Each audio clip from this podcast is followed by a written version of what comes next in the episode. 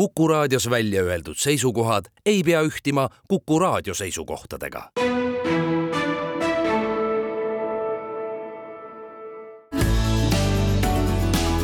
keskpäevatund päeval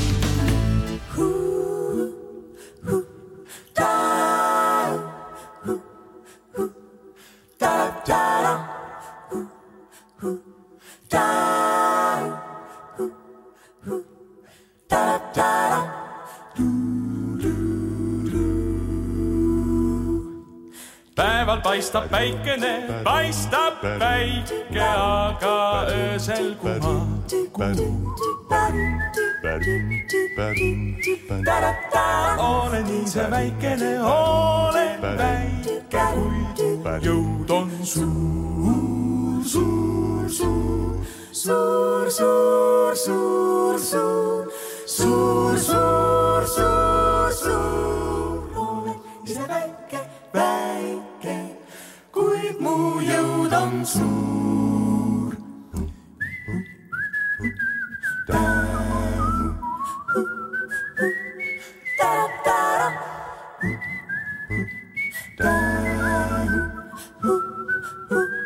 päeval paistab päikene, paistab päike, aga öösel kumab kuu.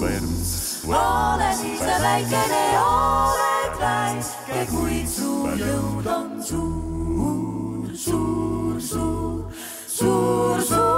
族族，我們一齊嚟嘅嚟嘅，歸族流浪族，殺別那古愛嘅那古愛嘅日子，那古古愛古，我哋一齊嚟嘅。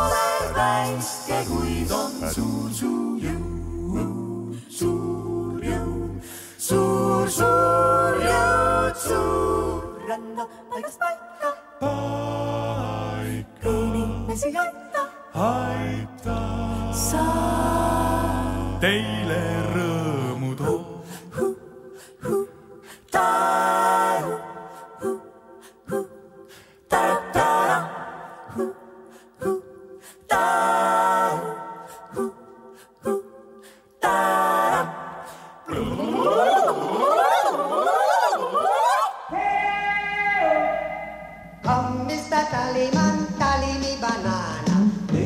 uudiseid koduvabariigist. tere, siin Keskpäevatund ja Kuku raadio. Aasta viimase sta- saate stuudios, Keskpäevatunnis saate stuudios Marek Strandberg, Ainar Ruussaar ja Priit Hõbemägi. Kuulasime väga ägedat ansamblit Estonian Voices, kes laulis Arvo Pärdi lookest Aatomik kunagisest kultus animatsioonifilmist või oli see siiski hoopis nukufilm, aga ükskõik. aga põhjuseks, miks me seda laulu mängisime, on see, et riiklik tuumaenergia töörühm soovitas Eestisse rajada aatomielektrijaama, kuna tuumaenergia kasutuselevõtt toetaks Eestis kliimaeesmärkide saavutamist, varustuskindlust ja energiasüsteemi stabiilsust. Ja enne kui me laseme Marek Strandbergi ketist lahti tahaks, tahaksin ma meelde tuletada seda, et väga pikka aega Euroopa Liidu silmis tuumaenergia ei olnud roheline energia, see oli must energia, see oli kahjulik energia, aga seoses Ukraina sõja algusega, seoses üleüldise suure probleemiga Kesk-Euroopas ja Saksamaal, siis äh, strateegilise, strateegiliste varudega, eeskätt siis energiaga,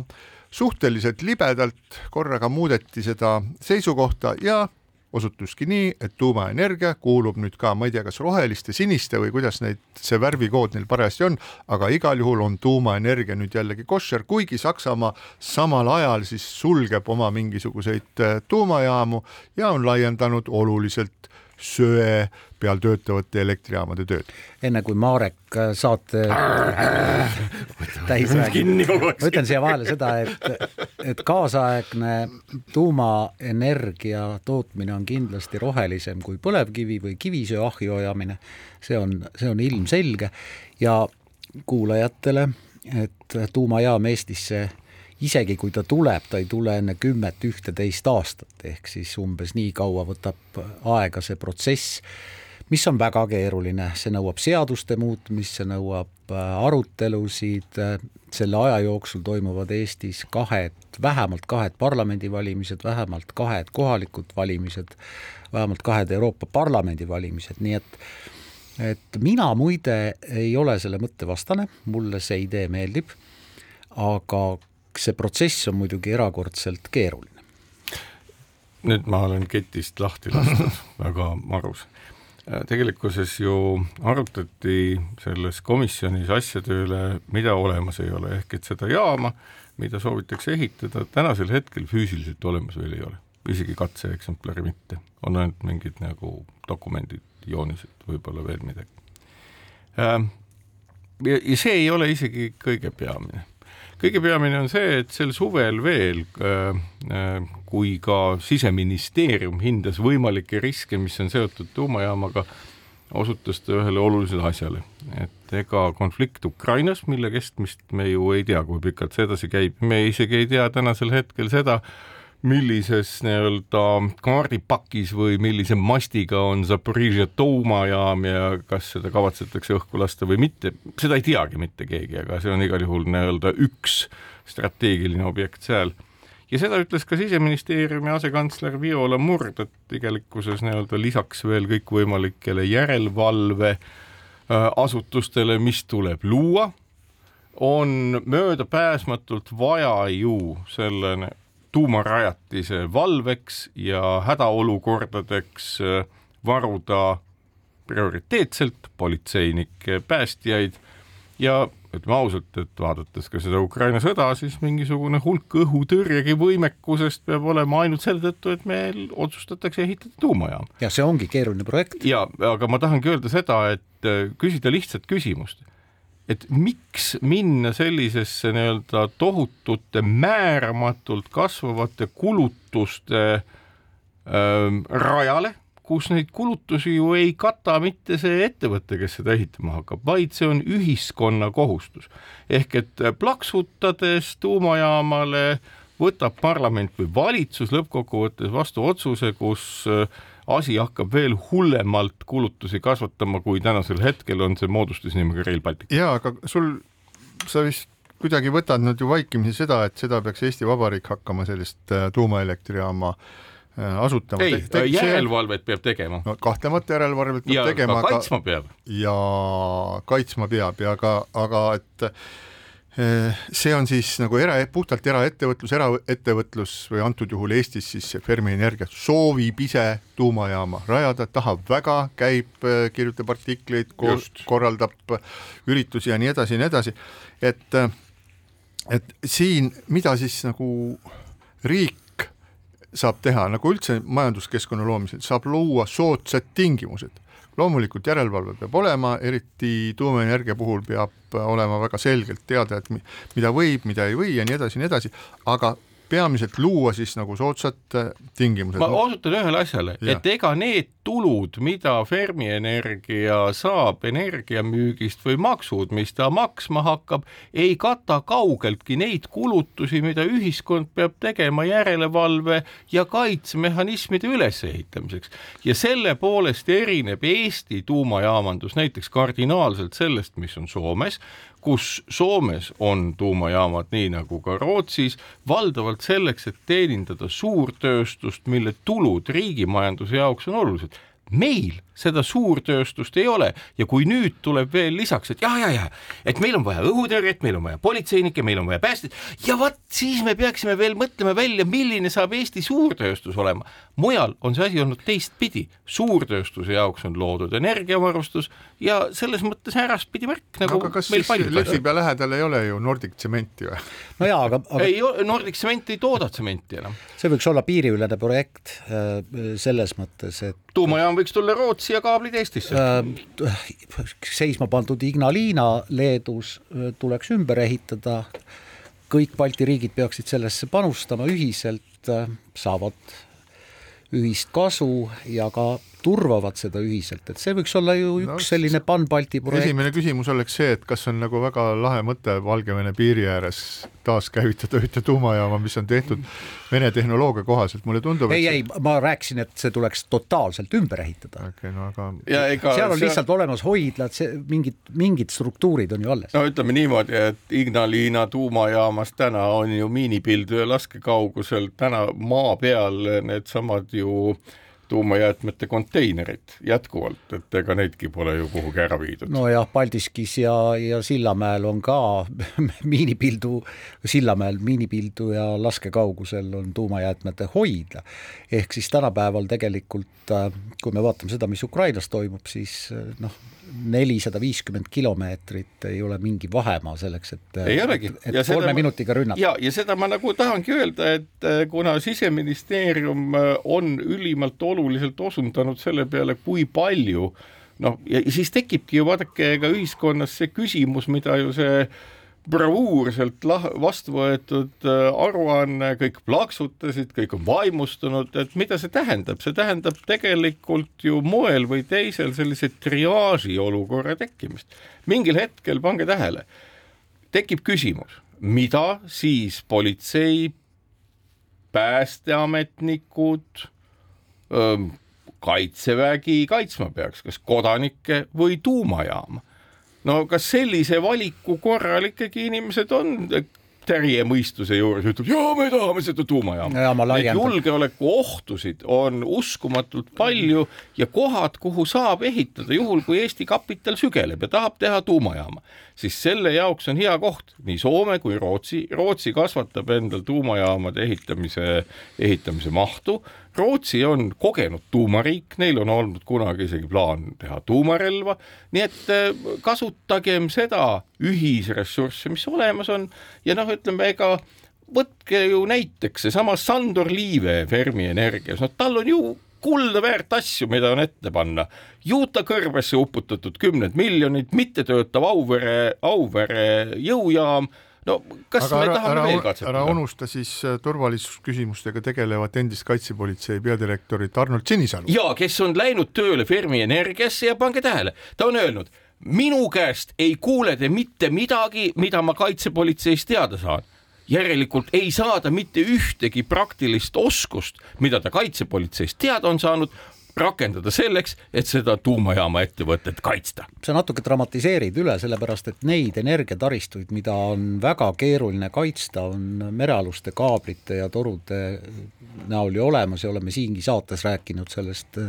Hiina kaubalaeva kuuekümne meetri sügavusel. jah, kuna laiskusest ei kaevatud gaasikaablit ja gaasitoru mitte nii-öelda merepõhja, nii nagu on tehtud elektrikaablitega, vaid jäeti veepõhja vedelema, selle tõttu, et oli odavam. jaa, aga me jumala pärast Fermi Energia ja tuumajaam, me räägime justkui see oleks otsustatud või homme otsustamisel, et see,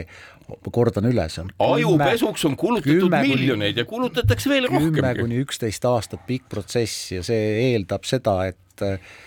koht, kuhu jaam rajatakse lõpuks, et selle elanikud oleksid sellega nõus, aga ja, see et, eeldab. et Enno Tammer oleks nõus sellega. et Enno Tammer oleks sellega nõus ja et, et parlament kiidaks heaks hulgaliselt seadusemuudatusi, mis seda selle rajamise ja mul on üks ainus ettepanek, et alati, kui nüüd seda asja tegema hakatakse, et jookseks kõrval üks enam-vähem adekvaatne arvutus kõigi nende aspektidega, mida siingi kõneks võetud ja ilma nende arvutusteta, ütleme veel kord, noh, me, me hakkame tõstma nagu kõiki asju korraga, looma julgeolekusüsteeme, järelevalvesüsteeme ja jaama nagu praktiliselt samaaegselt. Riskide hulk on väga ei no suur. jaama ei saa ju, kui tehnoloogiat ei ole, siis ei saa jaama jaama rajada. aga Esialgu nagu te näete, suhtekorraldus on okay, tekitanud olukorra, kus meil luuakse jaama, mida veel isegi olemas ei aga ole. see paar asja, mis on sellega seotud ja mis on minu meelest olulised, et üks, mis, mida Ainar mainis riivamisi, on see, et need on pikaajalised plaanid ja riiklikud poliitikad, et tõsi, minu meelest kolmekümne aastane Eesti Vabariigi ajalugu näitab seda, et pikaajalisi plaane suudetakse suudetakse vastu võtta ja elus hoida suhteliselt vähe, need võivad olla sellised suured sümboli staatuses nagu NATO-ga ühinemine, Euroopa Liiduga ühinemine või euroga ühinemine, mis omakorda suudavad kuidagi ühiskonda siis nii-öelda sidustada, aga kui tegu on mingisuguste, mingi, näiteks mingisuguse tööstusharu alaste või tööstusharu käsitlevate pikaajaliste plaanidega, on see siis, ma ei tea, tööstus,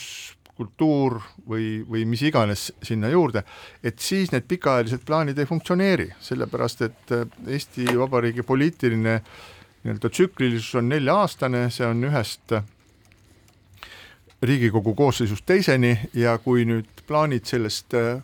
välja lendavad, siis juhtub nii, et äh, ministeeriumisse ministri laua taha istub uus mees, kes teeb, kes teeb sahtlid lahti, näeb, et seal on mingid paberihunnikud, palub need assistendil kõik minema visata ja siis alustab täitmist uute riiklike plaanidega, nii et seda asja, et on, on raske uskuda, et suudetakse nüüd seda tuumajaama asja aastate pikku läbi ajada, aga teine küsimus on see, et millised siis nii-öelda peale selle ohtra elektrienergia, mis kunagi võiks tulla, et mis positiivne külg sellel võiks olla, see tähendab seda, tuumajaama ei ole võimalik ehitada ja pidada ilma, et sul oleks omamaine tuumaenergia spetsialistide siis äh, hulk olemas, mis tähendab seda, et neid tuleb kodumaal õpetada, seda praegu ei tehta.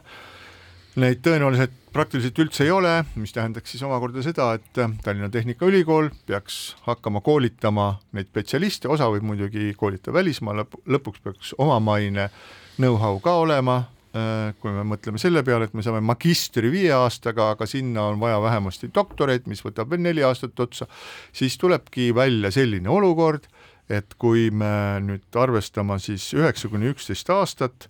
selle elektritootmise alguseni, siis üheteistkümnendaks aastaks saab valmis meil ka umbes äh, kolmkümmend doktorit kellest osa võib-olla jääb Eestisse, aga osa võib-olla lähevad kuskile välismaale tööle juba. ja ma arvan, et äh, see, see ongi üks nagu lihtsamatest argumentidest, miks on soovitus oma tuumainvesteeringud teha lähiriikidesse ja kaevata merepõhja kaablid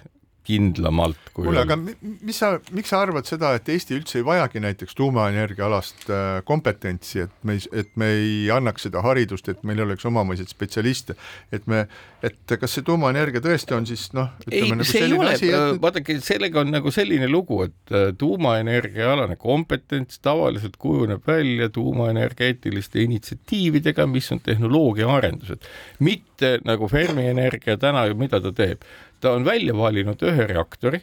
mida ta tahab osta, ehk et nagu see on kaupleja. Ja ta tahab osta ühte reaktorit. Ja kogu see ülejäänud mull, mis seal ümber on, jätab nagu mulje, nagu nad tegeleksid tehnoloogia arendusega, ei tegeleta.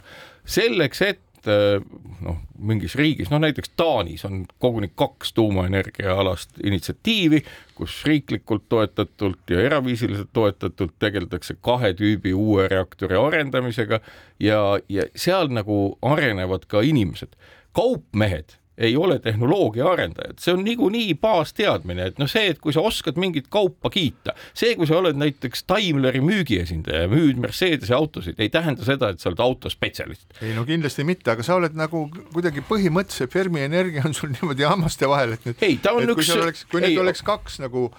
mingisugust ei, ei ole ju ammu, tegemist on ju propagandaasutusega, tegemist ei ole ju tehnoloogiaettevõttega, tehke silmad lahti. see on ettevõte, mis on aju pesnud inimesi, mis on nagu tegelenud äh, meedia ja keskkonna mõjutamisega ja öelnud, et me peame ostma sellise asja. et no, Eesti, oleks, Eesti oleks ikka ulmeline riik, kui meil oleks äh, ettevõte, kes suudaks ise siin praegusel hetkel tuumatehnoloogiat mis seal keerulist on, tuumatehnoloogia on olemas olnud varsti peaaegu sajand. ma ja ma arvan, et Eesti ei pea siin midagi leiutama, et. et ostamegi, aga ja, no, no aga siis, siis me peamegi nagu ütlema asjadest õigete nimedega, et tegemist on äh, kauplemisettevõttega, mis soovib ei, no, Eestisse üks... osta teatud no, tore no,. ütle, ütle oma põhjendused. miks mitte, noh. mis siis, miks siis ei tuumajaama projektile? ei, mis mõttes, ma juba, ma juba ütlesin need põhjendused, mitu korda ma pean veel ütlema, et see kasvatab kulusid määramatul moel, julgeolekuriske määramatul moel ja ilma selle nii-öelda hindamata ei ole no miks me läheme tegema midagi, mida on võimalik, kas see, see ei ole ju kuuprogramm No et me läheme sinna selle tõttu, et siin on raske no minna jaa, nagu Kennedy kui me ütles. oleme otsustanud, et me ei tee enam elektrit meie maavaradest, mis on ja teeme siis tuulest ja päikesest. vot tuulest ja päikesest kogu aeg ei tee seda, ei no siis järelikult salvestame seda, mida me teeme tuulest ja päikesest, mis on mis on oluliselt see- lihtsam tehnoloogia ja, ja panen, juhin tähelepanu, ka salvestamistehnoloogiate vallas on meil nagu oskusteave ja võime tehnoloogiaid arendada olemas. ja ainult, et ka neid salvesteid tuleb kaitsta, valvata ja nii edasi ja nii edasi. no mitte see, sellisel mitte moel sellisel nagu moel tuumajaama, vabandatagu mind küll, aga see on üsna selge, et need küünte närimised, mis maailma julgeoleku inimeste seas aset leidnud seoses Zaporižia tuumajaama ümber toimuvaga on olnud ikka no me oleme ikka liigselt takerdunud selle Fermi energia juurde, et see on võib-olla see see, see ei vääri. järelikult on meil põhjust loota oota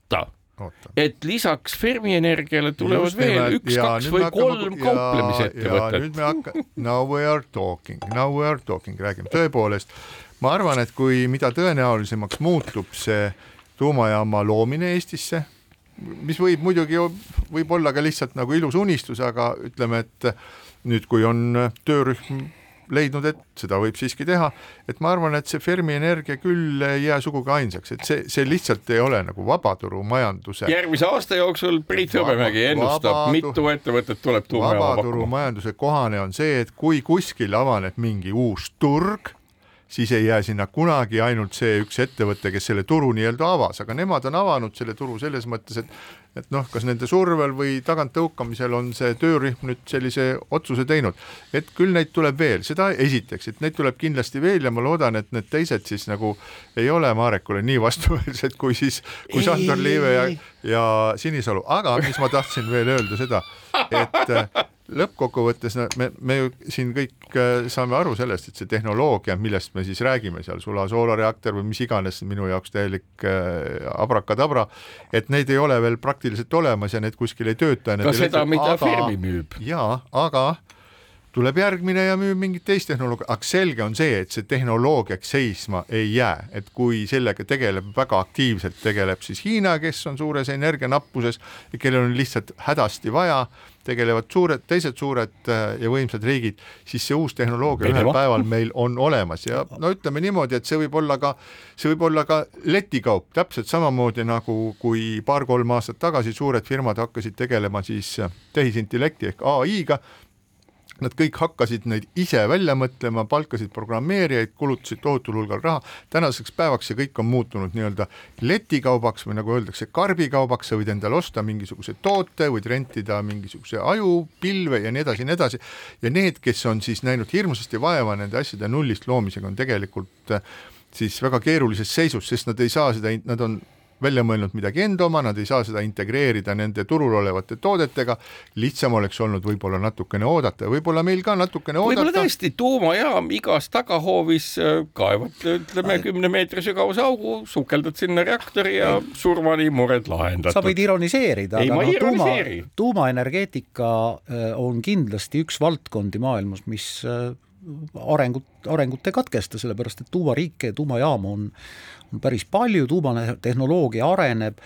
ja noh, minule küll meeldib see idee, mida ka leedukad on vaikselt ar arutanud muide, et, et võiks olla tuumajaam Balti ühine see, kus ta asub, Marek, selles sa oled va va valel teel, et kas ta on kahekümne kilomeetri kaugusel Valgevene piirist või kahesaja kilomeetri kaugusel Vene piirist, see tänapäeva sõjalise tehnoloogia puhul ei, ei oma suurt tähendust. Tähendust see omab küll see tähendust-, tähendust omab küll see, kuidas seda tuumaobjekti piisavalt hästi, hästi kaitsta ja, ja kui valvata see ei. õnnestu, on selle riigiga, näiteks Eestiga ju kõik asjad ühel pool. tegelikult on ju see tänapäeva tuuma, tuumatehnoloogia mingis mõttes nagu lihtsam, et äh, siin kui üldiselt siis äh, kuuekümnendatel seitsmekümnendatel aastatel tuumaelekt-, tuumaenergiat äh, kasutati, tuum-, tuumaenergia loomist kasutati siis kattevarina selleks, et toota tuumarelvade jaoks materjali. Siis kui sul on mingi selline konteiner, mille sa võid maha, maa sisse kaevata, siis sa ju ei hakka endale mingisuguste pommide jaoks seal materjali tootma, see on palju lihtsam. jäätmetest saab neid ikka teha. ja siinkohal väike paus. Keskpäevatund. keskpäevatund jätkab Tallinna stuudios Marek Strandberg, Ainar Ruussaar ja Priit Hõbemägi.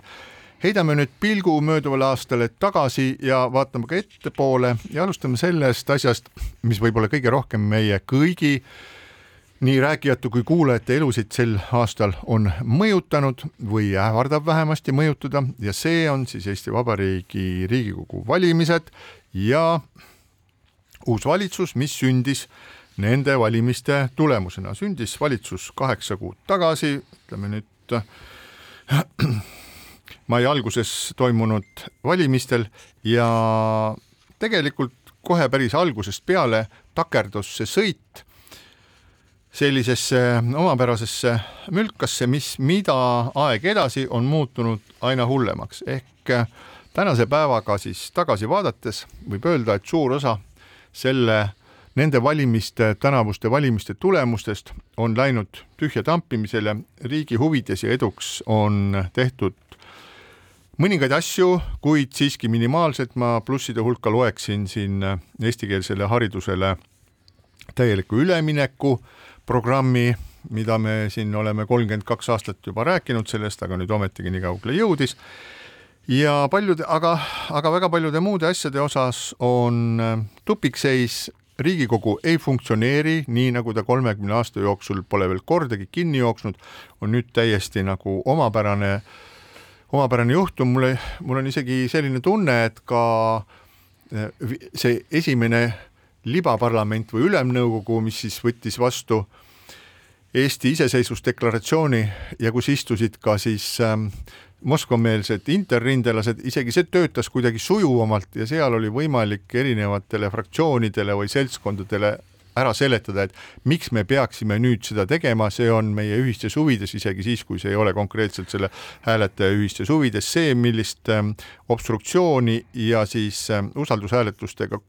otsuste kokkusidumist me täna näeme Riigikogus, on ju tegelikult riigijuhtimise paroodia, see on isegi, võiks öelda, et see on hale paroodia ja kusjuures kumbki pool, kes selles etenduses kaasa lööb, väidavad, et nemad mängivad pearolli väga uhkes ja väga moraalses ja eetilises ettevõtmises. sinu poolt mainitud viimane ülemnõukogu mm, tegelikult äh, ise kaalas õppisdemokraatiat, selle ülemnõukogu eelis oli see, et internatside hulk selles parlamendi eelses äh, rahvaesinduses oli ikkagi piisavalt väike, aga see, milliseid otsuseid too viimane ülemnõukogu tegi, see on ikkagi märkimisväärne ja selliseid otsuseid on teinud väga vähesed parlamendi koosseisud, pärast seda ei olegi vaja olnud teha selliseid otsuseid nagu Eesti lipp ja eesti keel riigikeeleks ja Eesti territoriaalne terviklikkus ja nii edasi, mis kõik on viimase,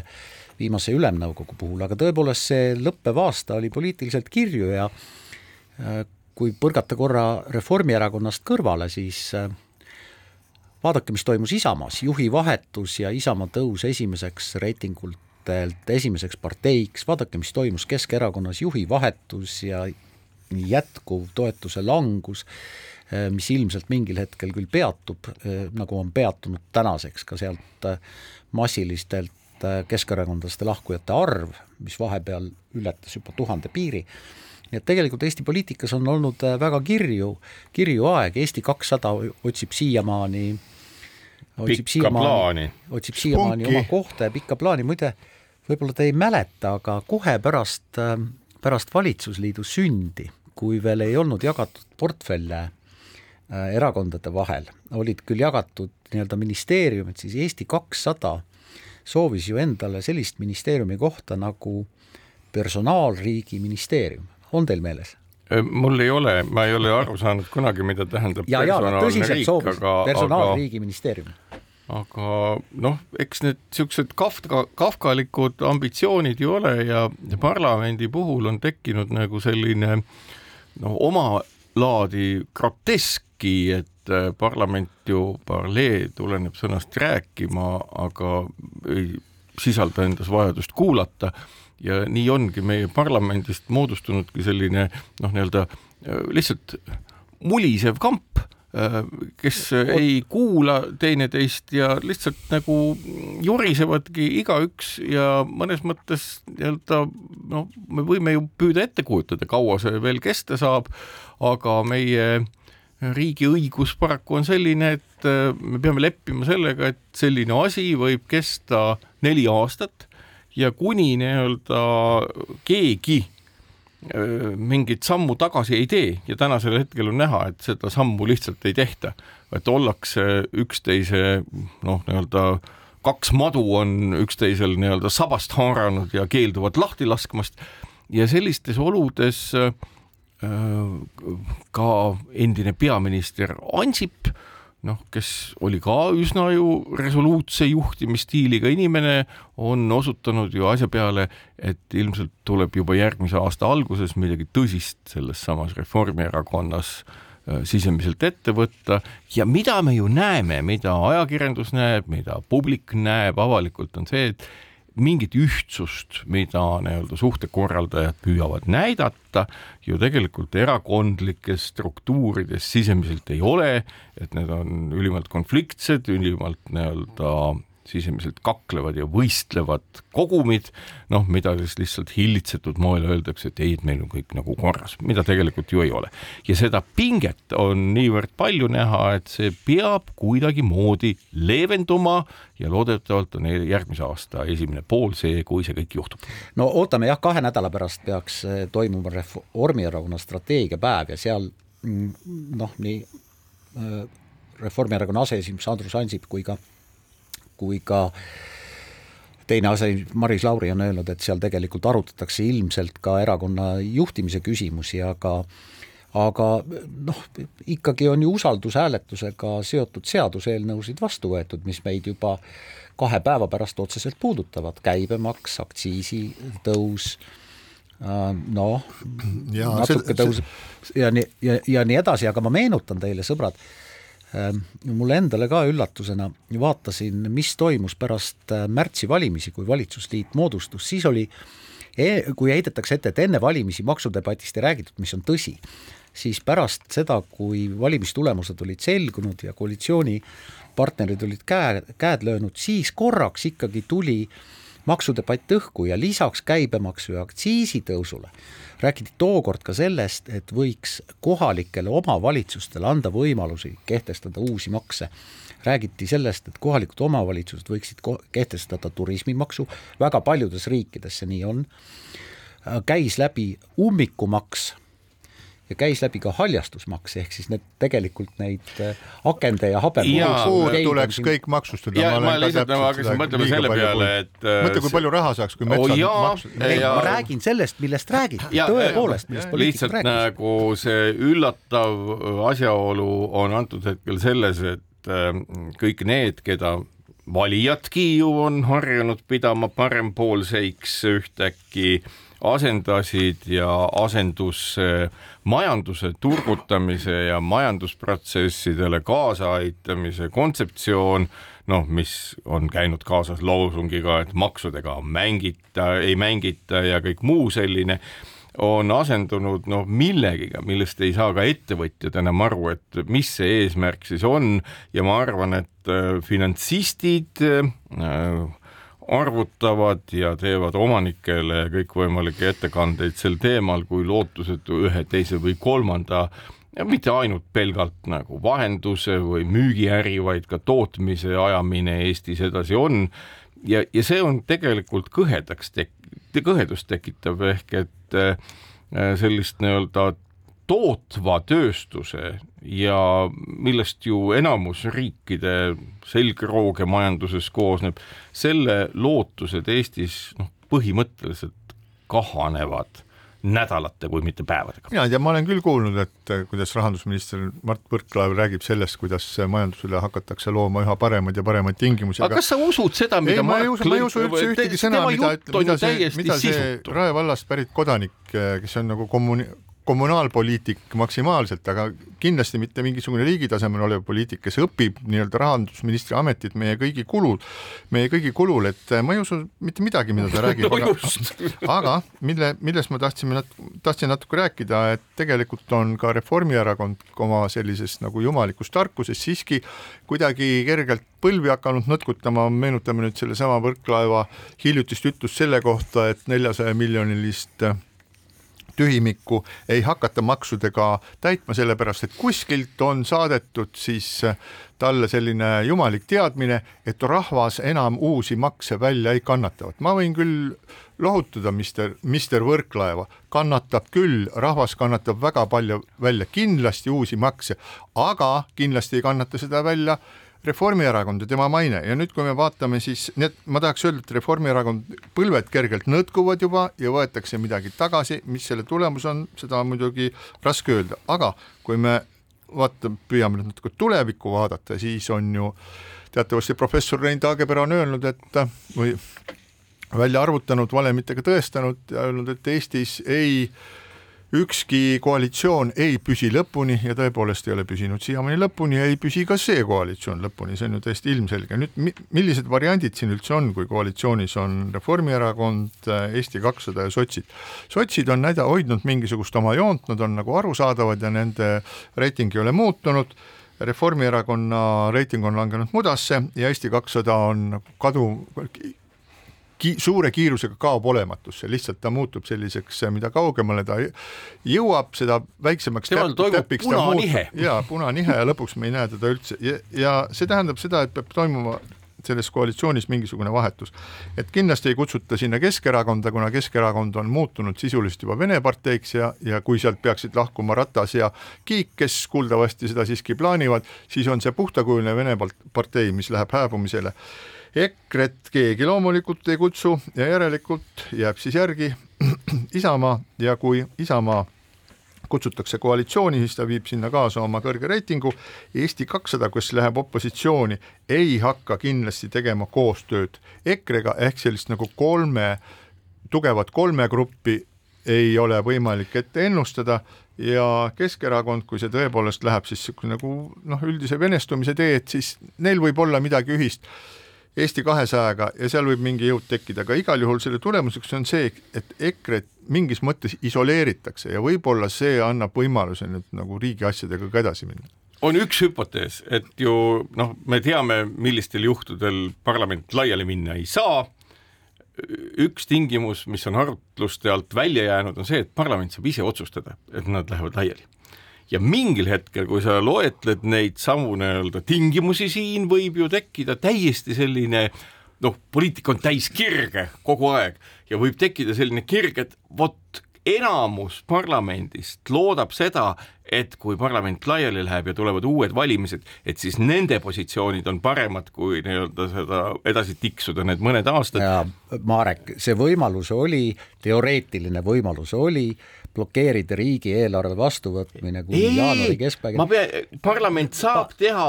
ja. eelnõu ja ennast laiali saata. saab, saab ja tulevad uued valimised, tulevad. aga selle teema lõpetuseks ma ütleks ühe tuntud Eesti kultuuritegelase sõnadega, kes kirjutas sotsiaalmeedias, mille eest me neile klounidele seal Toompeal palka maksame, et, et nad seal ööd ja päevad lolli mängivad, aga nüüd väike paus keskpäevatund. keskpäevatund jätkab Tallinna stuudios Marek Strandberg, Ainar Ruussaar ja Priit Hõbemägi aasta viimases Keskpäevatunnis otsesaates ja nüüd meil on jäänud äh, kolm teemat Ukraina teema, majanduslanguse teema ja Covidi teema. Ja loomulikult me ei jõua kõikide, kõigist neist põhjalikult rääkida, aga võib-olla alust-, alustame siis sellest, et Eesti on sisuliselt rinderiik, kuigi ei käitu nagu rinderiik. Ja selle aasta, mööduva aasta teise poole või selle aasta lõpu uudised pärast seda, kui Ukrainal siiski ei õnnestunud edukat rünnakut või vastupealetungi teha, on äh,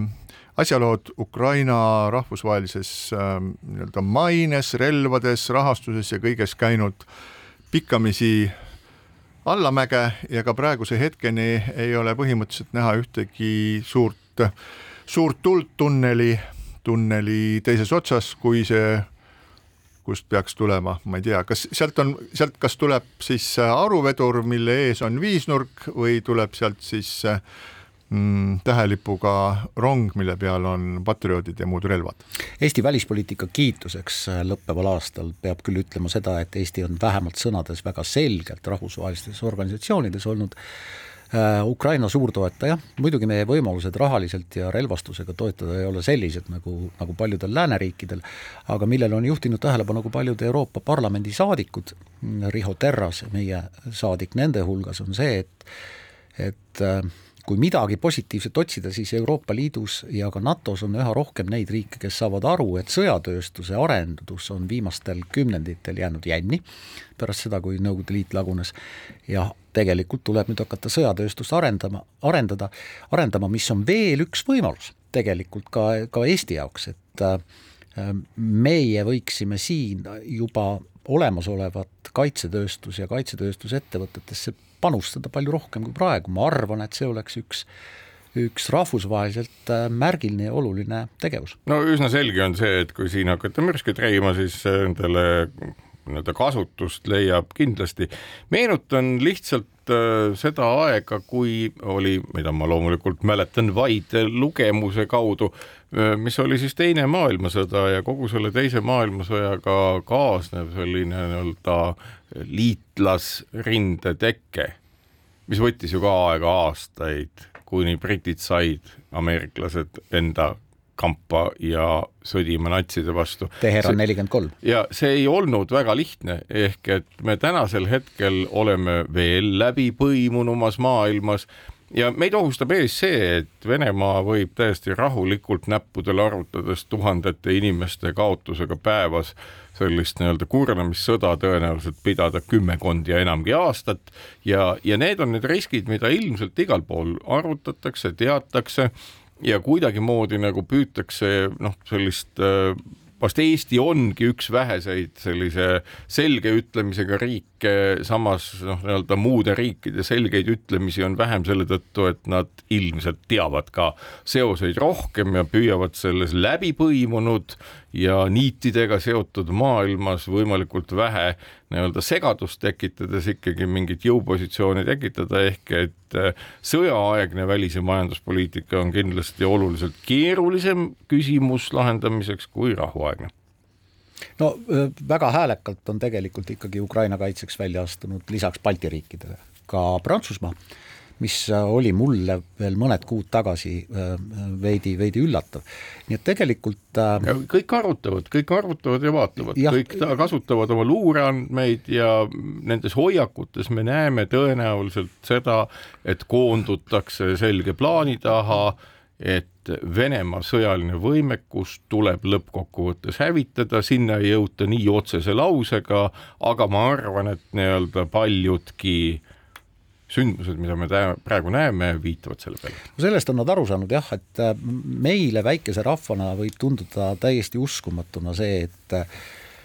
et Venemaa on kaotanud Ukraina sõjas ka väga mm, mainekate rahvusvaheliste organisatsioonide andmetel üle kolmesaja viiekümne tuhande mehe, kas äh, hukkunu või haavatutena.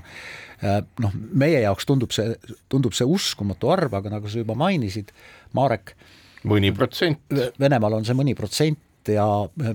märtsis presidendiks valitav eh, Vladimir Putin on öelnud, et ei, mobilisatsiooni ei ole vaja välja kuulutada, sellepärast et uut mobilisatsiooni. sellepärast, et rahvast on. selles olukorras on üks paradoks ja see on paradoks, millest väga palju ei räägita, aga aeg-ajalt mainitakse ja mis väärib siiski arutlemist.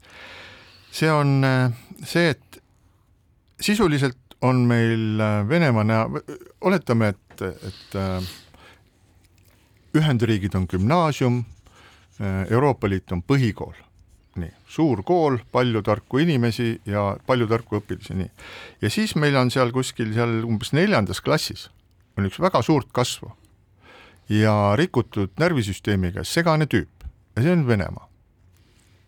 kes pidevalt terroriseerib kõiki teisi, terroriseerib väikseid loomulikult, hoiab need oma võimu all, aga üritab terroriseerida siis ka nii-öelda lõpuklasside õpilasi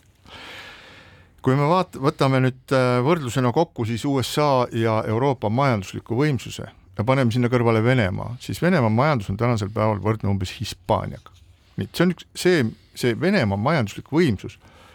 on üks väike murdosa, ma ei tea, kas see oli kuueteistkümnendik või, või, või veel vähem, siin ma kindlasti eksin, aga ühesõnaga, see on nagu nende arenenud maailma, selle nii-öelda valge maailma äh, majandusliku võimsuse juures täiesti olematu ja see ei kasva, vaid see pidevalt kahaneb, sellepärast on majandussanktsioonide all. see sõjaline äh, jõud, millega siis Venemaa maailma hirmutas, on selgunud, et see ei olnud nii, nii suur, kui väideti, et relvastus oli vana, loomulikult nad sõjas arenevad, alati sõjas mõlemad pooled arenevad, aga neil on väga suuri raskusi uute ja moodsate relvade tegemisega, et see sõda on juba tõestanud seda, et kas skalpraketid, HIMARS-id või Attack MS-id teevad puhta töö, lasevad põhja äh, suuri suuri sõjalaevu, toovad taevast alla lennukeid, mis maksavad sada miljonit tükki, ühe nädalaga viis tükki näiteks nagu SU kolmekümne, kolmekümne neljade viitega Venemaal juhtus. nüüd kuidas see üldse suures plaanis on võimalik, et kaks nii eba, et kui need jõud on nii ebavõrdsed ühe poole kahjuks, et see väiksem jõud suudab trollida siiski tervet seda hiiglaslikku majanduslikku jõudu. see on väga lihtne põhjus, nad, me ei tea neist midagi, salapära, varjamine on see, et keegi ei tea lõppkokkuvõttes seda, mis tegelikult toimub ja me oleme nagu ka Iisraeli ja Hamasi konfliktigi puhul ju näinud seda, et vaatamata meeletutele digitaalsetele infokogumissüsteemidele, tehisintellektsele analüüsile ja millele kõigele veel, on ikkagi nii-öelda süsteemides kohad, kus inimene läbi poeb ja mulle tundub, et võib-olla ka luuramises ja info kogumises on mindud sinnamaale, et on liialt usutud seda, et eh, noh, et mida infosüsteem meile räägib Venemaa kohta. Ja kuna venelased juba ammu on salakavalalt kasutusse võtnud mehaanilised kirjutusmasinad, et sõnumeid vahetada Kremlis, siis mulle tundub, et võib-olla me peame nagu möönma Äh, seda, et äh, seda, et äh, äkki sellist James Bondi tüüpi vanakooli luuramist on maailmas vähemaks jäänud. Ja ilmselt nii-öelda inimallikas Putini ümbruses lihtsalt puudubki kes ütleks, kuidas asjad tegelikult on. ehk et me nagu loodame kaudse info peale, me loodame analüüsi peale ja võimalik, et ka kõikides nendes luuremaailma mängudes on juhtunud see asi, et meil ei olegi faktilist teadmist ja selle tõttu me olemegi pimeduses. minu arvates on üks suur äh, lahendamist vajav küsimus Euroopa Liidu ja NATO ja lääneriikide algaval aastal see, et see värav, mis suure hurraaga löödi kinni et Venemaale kehtestada sanktsioonid, see värav on osaliselt lahti. Ja Venemaa saab ikkagi ka sõjatööstusele vajalikke elektroonilisi jubinaid kuskilt kolmandatest riikidest, see värav tuleb lõplikult kinni panna. selles olen ma täiesti nõus. Ja kui seda kui seda põhikooli ja gümnaasiumi võrdlust veel nagu jätkata, siis muidugi inimkonnale üks kõige parem, kui seal gümnaasiumi osas oleks üks noh, füüsika või ühiskonnaõpetuse õpetaja, keda siis filmis mängiks Clint Eastwood, kes äh, siis pärast äh, kolmandat konflikti, mis tal selle äh, jõmmiga on olnud, kus teda on solvatud ja püütud talle haiget teha, lihtsalt võtab selle tüübi, keerab ta rõngasse, murrab tal käe, murrab jala ja viskab ta kuskile kooli taha kraavi. aga siinkohal lõpetame selle positiivse noodiga, me soovisime ju agressiivse Venemaa pääsmatut hukku. selle noodiga lõpetame oma kahe tuhande kahekümne kolmanda aasta viimase saate, kallid kuulajad, soovime teile ilusat vana aasta lõppu ja head uue algust, kohtumiseni uuel, loodetavasti palju positiivsemal kahe tuhande kahekümne neljandal aastal. keskpäevatund